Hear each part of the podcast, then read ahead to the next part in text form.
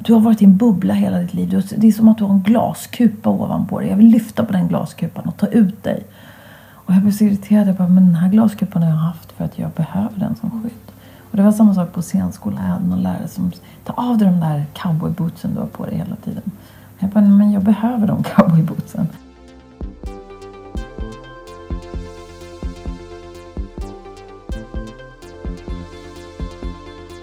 Du lyssnar på HSP-podden med Leveby och Klar.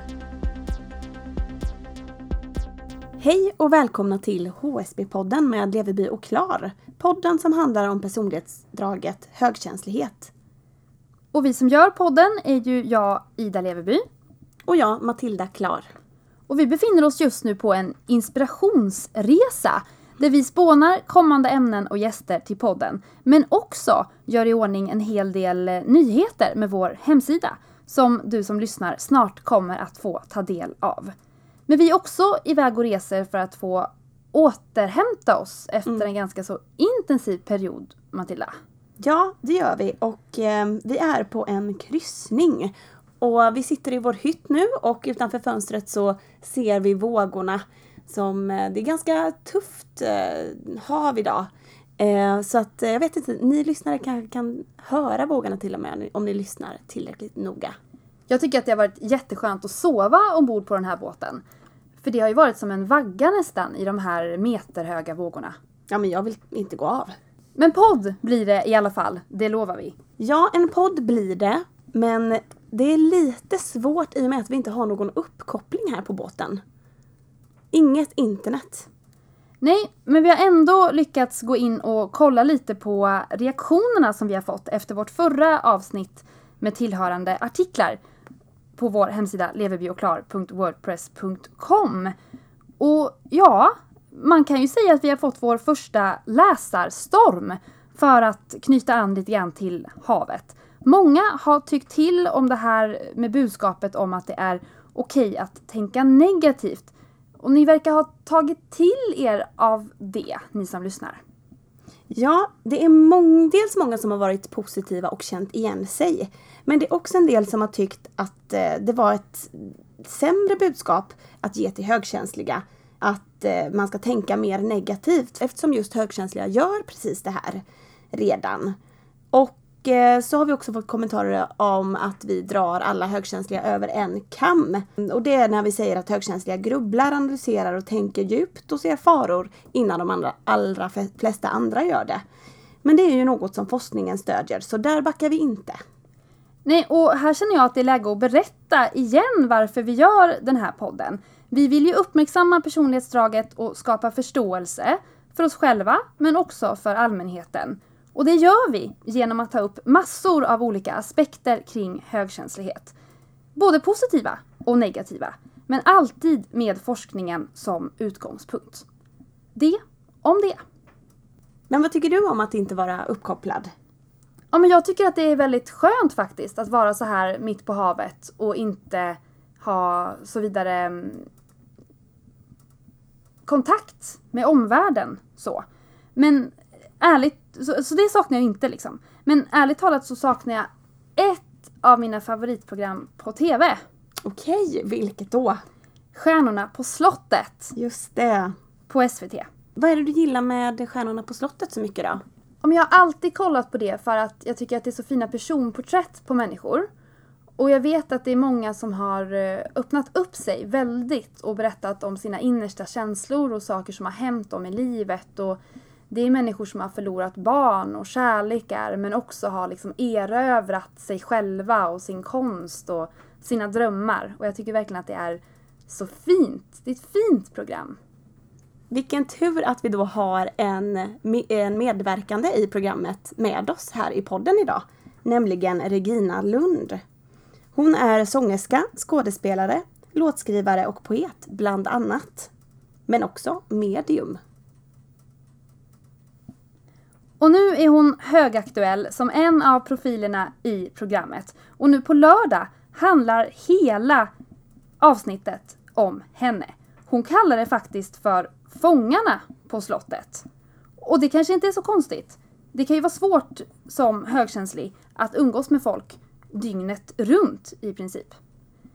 Jag fick chansen att få komma hem till Regina Lund för ett väldigt avslappnat samtal i hennes soffa. Hon bjöd på te, kakor och vatten med mynta i. Det låter gott. Det var jättegott. Och vad pratade ni om då? Ja men det kom att bli ett samtal som handlade om dels hennes eh, många olika eh, yrken. Hon gör ju så mycket. Hon är så mycket. Och hennes kärlek då till, till allt det här som hon skapar och ger till andra. Men också om, om bubblan, skalet som hon har varit tvungen att ta till för att liksom hantera att stå i rampljuset som högkänslig. Och hon säger att hon faktiskt har önskat att hon stundtals hade hårdare hud. Och faktiskt till och med sjungit i burka för att få det här skyddet. Så pass? Eh, och hon är väl också en av de svenska artisterna som har varit öppen med sin andlighet? Ja, hon har ju gått ut med att hon är medium faktiskt. Och det är någonting som hon har blivit hatälskad för. Hon berättade för mig att många vill ha det som hennes gåva har att ge. Men samtidigt så har hon fått nej till jobb för att hon har varit, inom citationstecken, så konstig. Nu blir jag så nyfiken här så att nu tycker jag att vi beger oss till Regina Lunds vardagsrum. När förstod du att du var högkänslig? Nej men det är ju liksom... Mm, har väl, när jag läste om det så var det, jaha, där var det. Du kände igen dig? Ja, det gjorde jag naturligtvis. Sen hade jag ju fått höra att jag... Eh, jag hade klienter när jag jobbade som och jobbar som medium ibland. Var det många som kom och var highly sensitive personalities. Och så, det var framförallt de internationella klienter jag hade som pratade om det. Eh, och då hade inte jag någon koll på att det fanns i Sverige. Och det var först sen när jag märkte att det fanns i Sverige som, som, det, ja, som det blev eh, tydligt att det var så det var, så var fallet. Vad har det betytt för dig när du fick reda på att du var högkänslig? Det var jättefint att få en, eh, ett ord på det, självklart. Har du funderat innan vad det har varit? Nej, inte så mycket i och med att jag har den i mitt yrke också som skådespelerska och artist. Och när jag sjunger in låtar och så, så har man träffat... Där, där betraktas man inte som apart om man är väldigt känslig och vill att alla går ut ur rummet eller man vill sitta i ett litet mörkt hörn och sjunga eller man inte kan träffa människor någon dag eller eh, behöver vara i sin egen bubbla. Så ingen av dem, vad är det nu jag har gjort, kanske 20 musikproduktioner eller någonting, så har jag inte tyckt att jag har betraktats som konstig någonsin. Hur har det sett ut utanför eh, branschen? Ja, men där är det ju annorlunda. Även i skådespelarbranschen är det annorlunda. För där, finns det, där måste man vara lite mer hårdhudad. Som, som sångerska och låtskrivare och artist kan jag låsa in mig i studion och gå in i en känslighet som är accepterad. Även om kanske när man är i sina väldigt känsliga partier så är det också, det är också svårt. Därför att det är många känsliga som ska samordnas. Men som frontfigur, när jag är leadsinger i mina produktioner, då tycker jag ändå att jag har omgivit mig med väldigt fina musiker. Och väldigt fina människor som har haft acceptans för min känslighet. Och det är väl därför kanske jag trivs också bäst i filminspelning och i att vara i musikstudio. För filminspelningen också, när det är känsliga människor och människor som har förståelse för känslighet eh, och som respekterar sin egen känslighet och, och andras. Då är det det bästa som finns att gå in i det där slutna rummet av den magi som är film. På teatern så är det ju lite, där är det ju, eh, alltså där, jag älskar teater och jag är uppvuxen i den. Jag är född in i den och jag är ammad i en teaterloge och jag har levt med det hela mitt liv. Men det är ändå mer energier man måste ta in från fler parametrar. Och där kan ens känslighet eh, vad ska man säga, bli naggad i kanten. Att man måste vara lite mer, kompromissa lite mer med den man är. Jag minns hundra år sedan naturligtvis, men, men eh, när vi gjorde Ivar Kryger, då sa Lars Molin, ja men du har varit i en bubbla hela ditt liv. Det är som att du har en glaskupa ovanpå dig. Jag vill lyfta på den glaskupan och ta ut dig. Och jag blev så irriterad. Jag bara, men den här glaskupan har jag haft för att jag behöver den som skydd. Och det var samma sak på scenskolan. Jag hade någon lärare som ta av dig de där cowboybootsen du har på dig hela tiden. Jag bara, men jag behöver de cowboybootsen. Jag hade liksom hittat sätt i kostym, i kläder. Jag vet Sir Anthony Hopkins har sagt det också när han började dubba. Så sa han, Sometimes all you need is a good mustache. Ibland allt du behöver är en bra mustasch. Och ibland behöver man gå utifrån och in. Man behöver ha någon form av... Jag hittade just ett klipp med mig själv när jag sjunger mina låtar i burka. Och det var liksom ett sätt att... Du som är HSP skrattar kan jag säga till lyssnarna så att du nästan gråter här på andra sidan. Och det är ju för att det är en sån tydlig bild. Man vill bara hänga på sig något skydd. Hur är det att ha den, eh, de rollerna som du har och stå i rampljuset och mm. även ha det behovet av att dra sig undan bort från allting? Ja, det är ju väldigt eh, kontraproduktivt. Det är väldigt smärtsamt och det har alltid varit. Det har varit sån... Jag, många har inte förstått sig på mig. Liksom, att, ja, du är så, att man är där ute och man gör allt det där och sen så vill man dra sig inåt i sin, sitt skal. Också det här att när, som igår bara, en sån red carpet grej.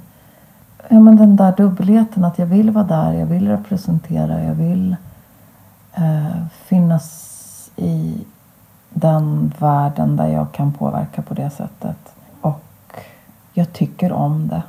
Därför att jag kan också kommunicera en känslighet för massa saker som hjälper andra och som jag också tycker är kul. Eh, men visst, jag har... Eh, jag skulle nog uppträda mycket mer live om jag inte var lagd åt det här hållet. Varje gång jag uppträder live så är det förknippat med en viss... Ja, jag ska inte säga scenskräck eller ångest utan mer någon slags... Jag måste övervinna den här känsligheten.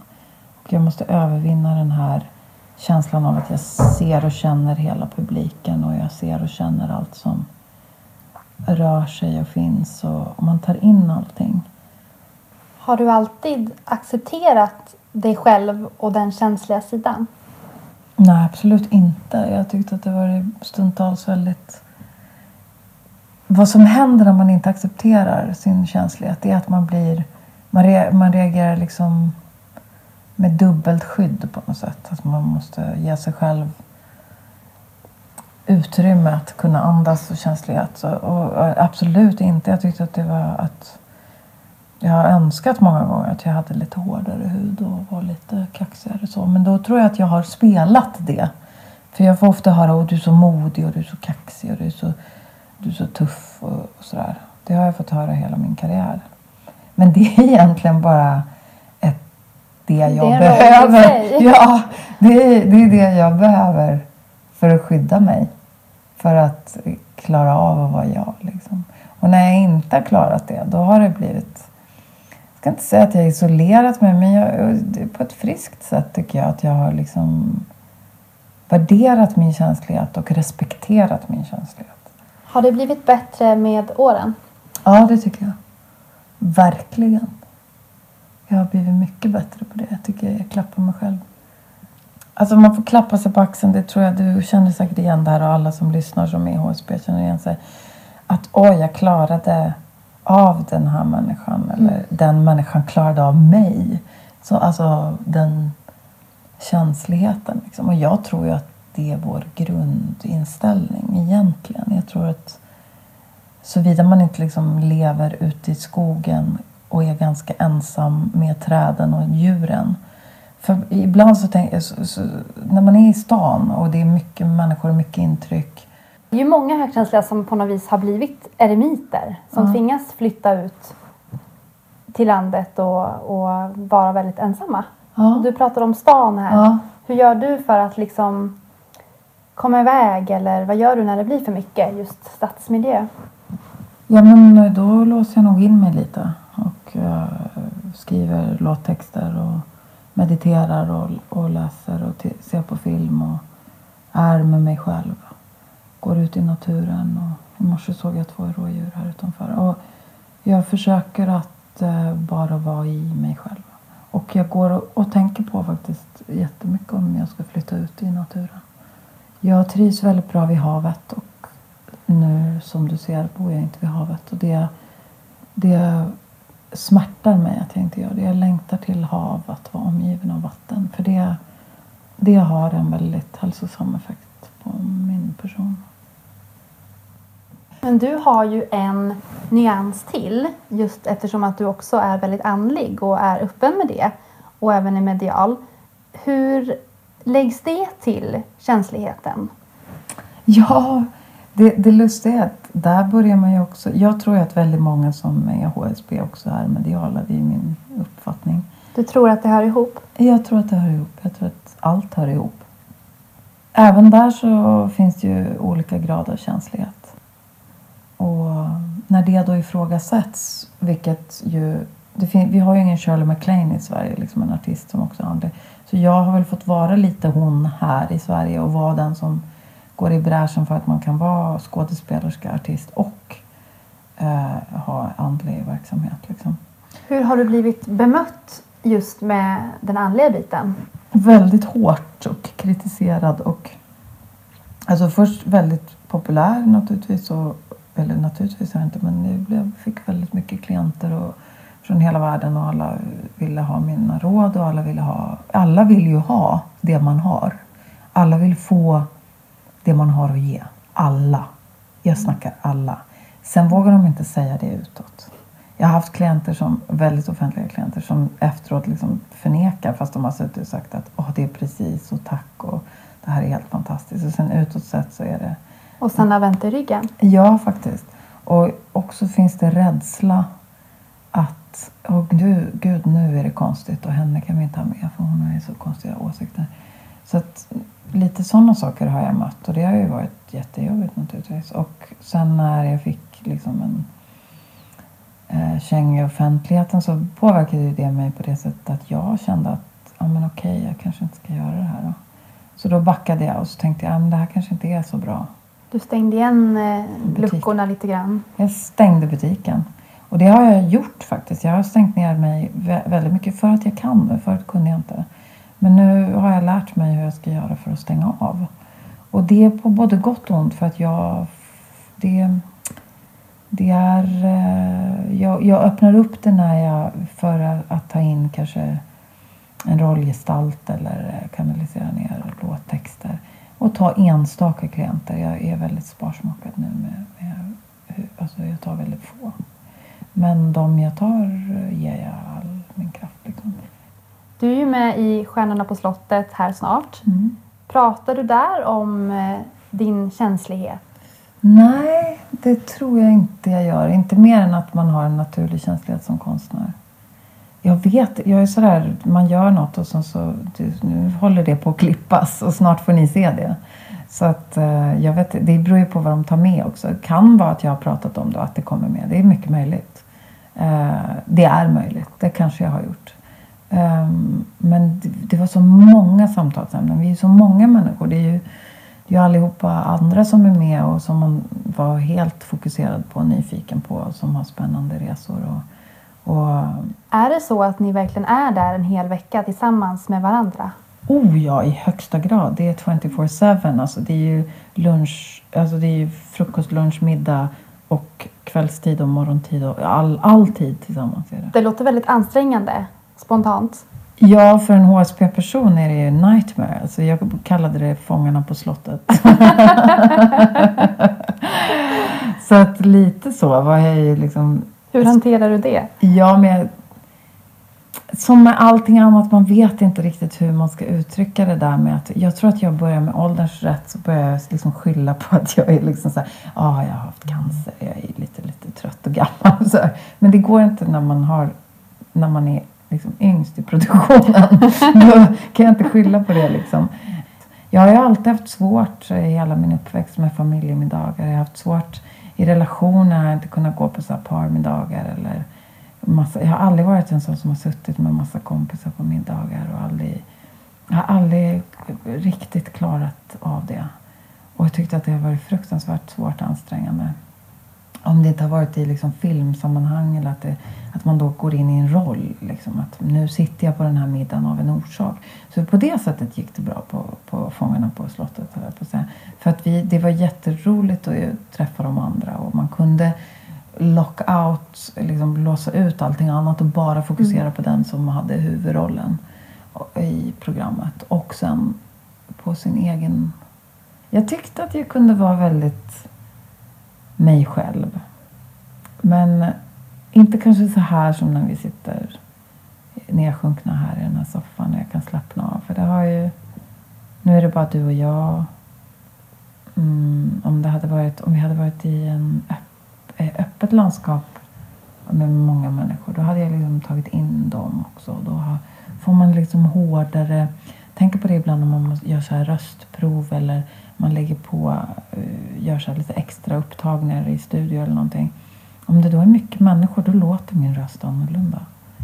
Så, för då skyddar jag den på något sätt. Och jag kan inte förklara det riktigt. Men det, det, det tror jag jag vill härleda till HSP. Att man på något sätt eh, måste skydda sin känslighet. Men det här med att alltid gå runt med någon slags mask eller rustning. För det känner jag igen mig väldigt mycket i. Att eh, ingen får någonsin komma åt mig eller komma på mig. För då kanske jag blir så öppen och sårbar att jag inte riktigt vet vart jag ska ta vägen. Väldigt fin beskrivning. Exakt så. Precis så. Exakt så tycker jag att det är. Uh, det är jobbigt. Ja. Och nödvändigt. Det, det, är väldigt skönt när man träffar likasinnade. Och när det finns någon fin människa på andra sidan mikrofonen som du som eh, beskriver det precis så som det känns. Så det är ju jätteviktigt att ni gör den här podden. Och det är väldigt viktigt att vi pratar om det. För den förståelsen, att man förstår varför någon inte kan komma ut ur sitt skal. Eh, varför den människan måste ha det här skyddet och rustningen för att kunna överleva i den här världen. Sen får man ju försöka hitta sammanhang. Det är därför det är så här, åh, den där produktionen, varför var den så himla bra? Jag fick frågan, men varför åkte du och gjorde det där när du kunde ha gjort det där? Du vet, varför gjorde du det när du inte gjorde datten? Och så där.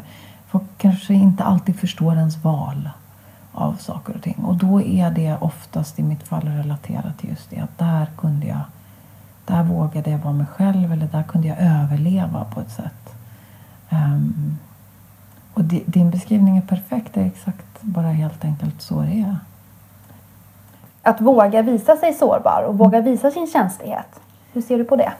Jag ser det som så här att vara känslig är inte att vara svag. Utan det är en tillgång att kunna visa att man är känslig. Jag tror att det slaskar lite från tidigare generationers rädsla för att vara svag. Att det skulle vara något fult att visa känslor. Så därför tror jag att när man då har visat sin känslighet så har människor blivit rädda för oj nu är det någon som är svag här, nu kommer allting gå åt helvete. Istället för att se det som att wow, här är någon som är väldigt så flexibel och modig och vågar vara transparent med vad den känner och det kommer gå bra. Och den nya generationen tycker inte jag verkar lika rädda för känslor som den äldre. Det är ju också en styrka att kunna, att inte bli rädd för de här lite skörare känslorna inte vara rädd för det som är intuitivt och som inte går att förklara. Tack Regina Lund för att du var med här i HSB-podden med Leverby och Klar. Tack så hemskt mycket för att jag fick vara med. Jag hoppas jag hade något att komma med som kan hjälpa någon där ute och vara till glädje. Och där gav ju Regina lite hopp om framtiden och vill ni diskutera det här mer så gå gärna in på vår Facebook-sida. Där heter vi HSP-podden med Leverby och Klar. Och på vår nyhetssajt så kan ni läsa fler artiklar om högkänslighet. leverbyochklar.wordpress.com Ja, gör det. Vi tycker alltid att det är roligt när ni tycker till om saker. Den här veckan handlar Bertil Monegrims dikt om någonting högst aktuellt, nämligen pengabrist så här i januari. Just nu är det en tid när många människor lever med svåra ekonomiska problem och även sjukdomar och har svårt att se ljust på framtiden. Mitt recept är att ändå ta vara på de glädjeämnen som finns, kanske naturen och även barnen som förgyller tillvaron. Visst är det svårt att vara glad när räkningarna samlas på hög, men livet är ju ändå viktigast. Så mitt tips är att allt ordnar upp sig och balansen mellan depression och glädje jämnar ut sig. Lycka till, för du är guld värd. Nu säger vi tack och hej. Nästa vecka är vi tillbaka med ett helt nytt högkänsligt avsnitt. Vi hörs då.